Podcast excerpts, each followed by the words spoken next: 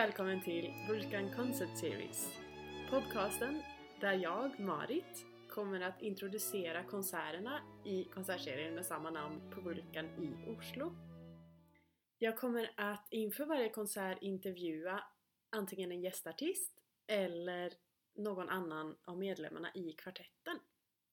Jag heter som sagt Marit och jag är cellist i kvartetten Vulkan Quartet.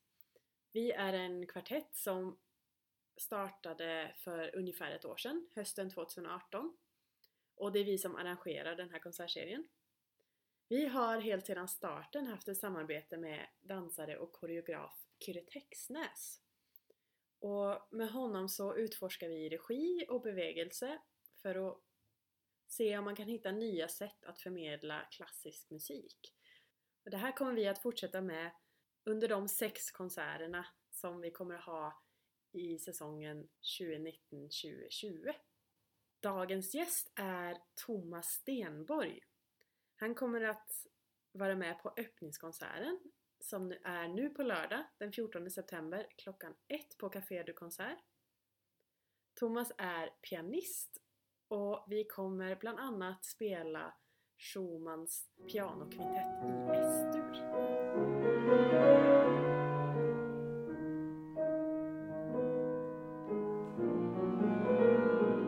Idag har jag med mig vår första gäst, Thomas, som ni hör skrappa i bakgrunden. Eh, välkommen! Tack! Thomas Stenborg, pianist, eh, kan jag också säga. Tack för att jag får vara med. Tack för att du vill vara med. Väldigt kul. Både på konserten och på podcasten. Ha, vill du berätta lite om hur eh, din utveckling som pianist, när började du spela och varför?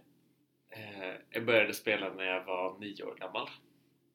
Alltid lite osäker, det är åtta eller nio. Eh, och jag började egentligen spela fiol. Eh, och det var... Det började med att mina föräldrar lät min bror spela fiol. Och så fick jag bli med för att spela fiol, men det var egentligen med, hos samma lärare. Eh, och det var egentligen bara så att jag sen skulle kunna byta till piano. Det var väldigt som, med kommunala musikskolan var man tvungen att liksom lirka lite grann för att få som man ville.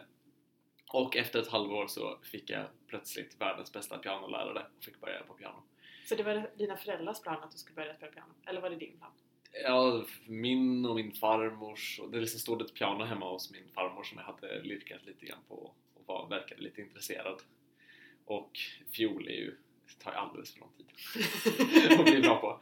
Så eh, piano är mycket lättare på det. Det är bara att trycka på lite knappar och så blir det ljud. Så det, det är absolut en fördel. Eh, så började jag spela och tyckte det var kul. Och sen tog det lång tid, alltså jag hade spelat i kanske 7-8 år innan jag insåg att man kunde, kunde bli musiker, eller att det ens var en möjlighet eller som jag var intresserad av. Eh, och hade då också fått testa på att spela lite pop och hålla på lite med att eh, improvisera eller spela med ackorder och så efterhand så insåg jag att jag ville bli musiker. Så det vill, alltså, ja, jag tror inte jag bestämde mig egentligen för det förrän jag var 19. Eh, hade gått ett halvår på matematikstudiet i Uppsala eh, och insåg att det var alldeles för komplicerat. Vad var planen med det? Vad ville du bli? Oj, egentligen var planen med det för att jag skulle, jag skulle studera i Oxford var tanken en stund. Jag skulle studera fysik. Eh, och sen så av någon krånglig anledning så jag behövde mer matematik för att det skulle kunna funka. Eh, och sen så började jag på matematikstudiet och tänkte att men okej, det här verkar ju bra. Eh, och jag tror min mamma hade en dröm om att jag skulle bli statistiker. Så att det var liksom hennes stora dröm för mig tror jag. Vad gör en statistiker?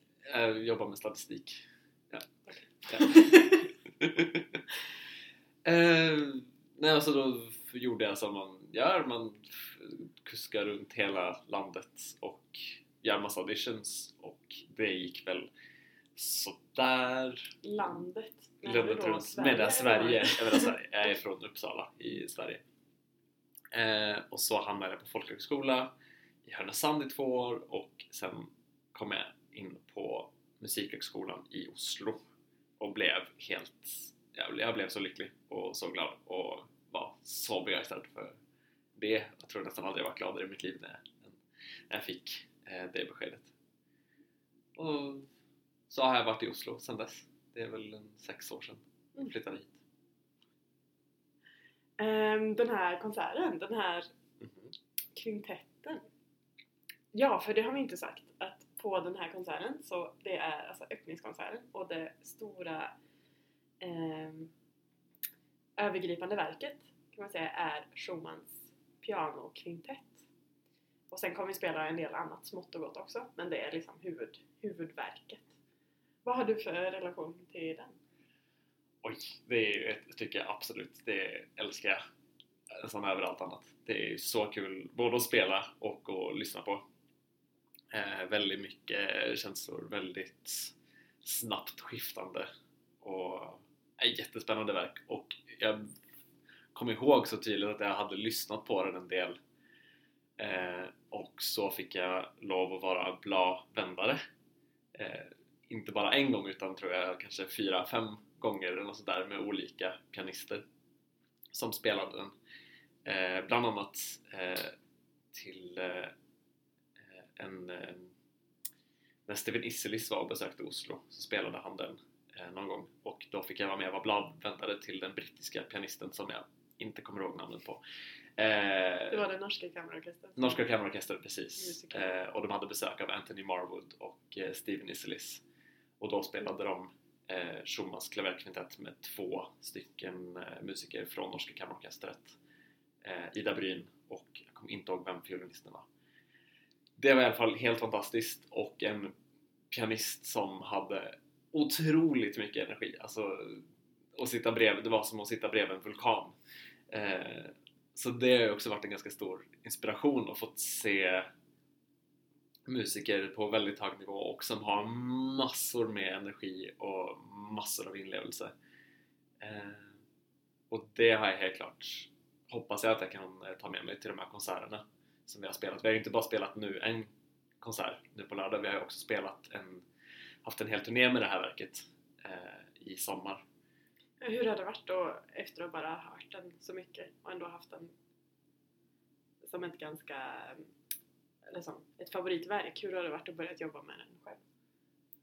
Um, dels, alltså det har varit väldigt kul att jobba med den under hela året. Jag har haft tur att jag fick reda på ganska tidigt att det var här vi skulle spela. Jag har haft en lång förberedelseperiod sedan i januari och lära verket och lära känna det.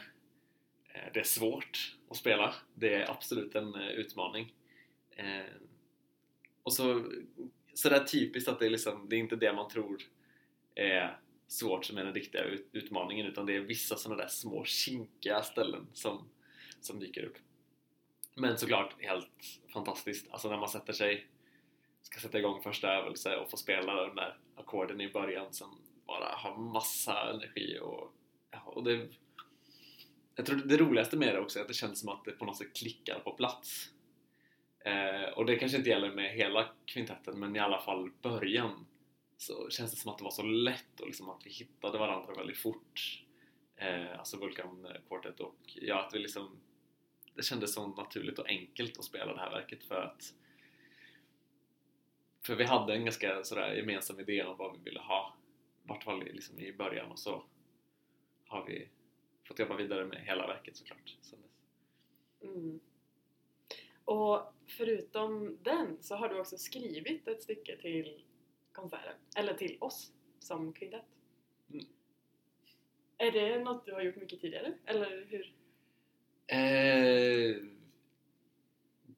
ja, jag är ju inte kompositör, eller så, och just det, det här är Alltså jag har egentligen en sån allergi mot att när man inte säger eller när man säger att man inte är pianist eller inte är musiker att det är ett sätt att hålla sig liten på. Och nu höll jag precis på att säga att jag inte är kompositör. Men det är ju uppenbarligen, jag har ju skrivit ett verk eh, och eh, det är det första verket som man får framfört på det här sättet och det är jättekul. Och min idé med verket är ju att det ska ha en del improvisation eh, med i det. För det är någonting som jag tycker väldigt mycket om och har hållit på med länge. Eh, och det var väldigt spännande för att jag kommer ihåg när jag liksom satt och liksom komponerade ihop det. och hade massa olika idéer och så tror jag jag slängde minst fyra, fem versioner av, av den och tänkte det skulle bli långt, tänkte det skulle bli kort och, och framförallt det jag tyckte var utmaningen med det var att jag visste inte hur man skulle få in improvisationen på ett bra sätt i stycket så att det också gick att förbereda sig eh, som musiker till eh, de repen vi hade. För det är kanske inte det vanligaste för klassiska musiker att improvisera. Nej. Eller i vart fall inte för mig. Nej men precis, och det, det, det man kanske är van vid då är ju väldigt fri improvisation eller improvisation som inte är kanske så melodisk eller liksom eh, utan då kanske är mer ljudeffekter och sånt. Och det tror jag många är ganska vana vid men just att få improviserad musik som ska ha ett sammanhang och låta ganska klassiskt eh, var lite grann en utmaning. Och så kommer jag ihåg att, att jag kom till första, första repet med ett utkast och blev jag blev så förvånad väldigt, väldigt positivt överraskad för det visade sig att det var fyra musiker som verkligen var redo att hoppa i det och hade väldigt många bra frågor och det blev väldigt mycket lättare efter den första övningen när jag insåg att, eh, att det var helt enkelt mycket lättare att komma igång än vad jag trodde. Eh, Hur kommer det sig att du blev så fascinerad av improvisation? Eller som när blev du introducerad för det och varför blev det en sån passion? För det har du gjort ganska mycket. Mm. Eh. Oj. Alltså dels, jag hade ju en pianolärare som eh, eh var som introducerade improvisation för mig princip från början och det var ett sätt att lära sig teori på som vi hade lärt oss en skala så fick jag improvisera i den skalan medan hon spelade någonting till. Och vi gjorde inte jättemycket av det, det var liksom det var bara som ett verktyg Eh, i undervisningen tror jag, men som funkade väldigt bra och som jag tyckte väldigt mycket om. Ehm, så jag fick liksom lite sån smakprov på det och så har jag nog alltid suttit och testat ut saker själv. Ehm, jag tror också när det gäller kanske nästan alla pianister att när man väl upptäcker högerpedalen så är det så kul att sitta och experimentera med det för att man får någonting som gör att allting låter bra nästan så här per automatik. Och för icke-pianister, vad gör högerpedal? Ja, den eh, eh, alltså det kallas ju sustain-pedal på engelska så den håller noten eh, så att den inte bara försvinner när man släpper tangenten. Och det gör ju att du får ju sådana klangmattor som är väldigt roliga att experimentera med istället för att bara få en och en not. Ehm, så alltså min pianolärare Monica var ju väldigt viktig eh, när det kommer till improvisation. Men så spelade jag också med eh, en eh, sångare när jag gick i högstadiet. Och fick då möjligheten att spela Beatles, spela eh, bara massa 60-tals rock egentligen. Och fick då, alltså, jag fick egentligen bara ackord och kanske ibland liksom lyssna igenom för att försöka ta ut saker på pianot. Men det fick mig verkligen att börja jobba med ackord och liksom få in mer känslan i händerna än att ha färdiga noter. Så det tror jag var väldigt, väldigt viktigt. Eh, sitta liksom ganska länge, nästan ibland i flera timmar och bara testa saker. Och det var väldigt, väldigt kul. Så det är ju någonting jag egentligen hållit på med sedan dess. Och den, eh, att ta in det i klassisk musik också? Var det, kom det liksom naturligt eller? Jag vet inte riktigt när det började. Um... För du har ju skrivit egna kadenser och sånt. Är det, ja. Var det liksom med det det började eller? Det började tidigare. Alltså det tidigaste exemplet som jag verkligen kommer ihåg var ju att jag satt mycket och improviserade tror mitt andra år på musikhögskolan och då skulle man ju också ha en examen eh, som jag var ganska rädd för kommer jag ihåg också. Jag skulle spela två ganska stora verk och kände mig väl inte sådär jätteförberedd så jag var ganska, kände mig ganska rädd inför den konserten. Och så plötsligt så bestämde jag mig för att jag skulle också improvisera på den konserten. Och märkligt nog var det någonting som tog bort nästan all, eller tog bort mycket av den ångest jag hade för den konserten. Att jag bestämde mig för att jag skulle ha fem minuter, två, tre minuter av improvisation i mitten. Eh, och satt och experimenterade lite grann hur man hur jag kunde starta i alla fall den improvisationen. Eh, och då jag kommer liksom inte ihåg hur, egentligen hur det startade utan det måste ha varit någonting som jag höll på med. Och det, också, det spännande är ju att när man väl börjar med, med det, sitta själv och sen börjar jag också kanske prata om det, speciellt också när jag också spelade upp det för andra Ehm, så hittar man ju folk som är intresserade av detsamma. Så jag har haft väldigt, det har varit väldigt kul att hitta andra musiker som också improviserar och få dela erfarenheter. Um, kanske speciellt med pianister och sådär också. Så vi insåg att eh, vi har lyckats skapa en konsert där allting börjar på S. eller antingen, antingen kompositören eller styckena. Och du heter ju Stenborg i efternamn, så där var det. Men en annan, ett annat stycke som, eh, som du och jag ska spela, som egentligen inte riktigt är eh, skrivet för, för jag är cellist är inte riktigt är skrivet för cello och piano. Eh, men som du visade för mig för, jag vet inte, några år sedan tror jag.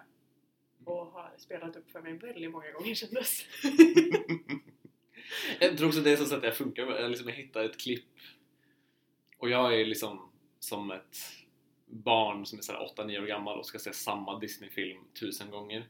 Det är ofta med med musik att jag hittar ett sånt här klipp och så ska jag spela det om och om och om igen och liksom bor man tillsammans så blir det ganska oundvikligt att jag också har visat det för dig säkert ja, tio gånger. Ja, vi bor alltså tillsammans. Ja. Men och eh, det här stycket är då Strauss, Richard Strauss eh, Morgen som är ur en sångcyklus, kan man säga det? På ja, fyra, på fyra sånger. Fyra sånger. ja, en kort. Opus 27, nummer fyra. Mm. Eh, precis, och det är ju ett fantastiskt fint stycke som jag hörde första gången med orkester och sång. Det är väl den vanligaste. Eh, vanligaste sättet att höra det på men det finns ju egentligen originalet i en pianoversion. Eh, men det är såklart också nu när, jag fått, nu när vi får chansen att spela det så är det nästan omöjligt att inte höra den här harpklangen och sen en, en första fiolkonsertmästare som sitter och spelar den här fantastiska melodin. Eh, som sen bara sångaren på något sätt smyger sig in i. Och det är liksom det är så otroligt poetiskt, fantastiskt fin text av eh, John McKay tror jag. Eh, ja, väldigt sådär. Alltså det är så spännande att tänka liksom 1800-talsmänniskor som skriver så poetiskt så att det nästan är så här, Alltså om man skulle säga det liksom högt idag så låter det nästan lite så löjligt men det är ju så otroligt eh, mycket känslor i det. Så att det nästan håller på att sprängas. Mm. Och den här eh, sången har ju verkligen den aspekten att det går så långsamt men har massor av sån otroligt djup, fin spänning i sig. Mm. Eh, så det ser jag otroligt mycket fram emot att spela. Mm. Jag med. Det har varit så roligt att öva på. Mm. Du spelar otroligt fint också.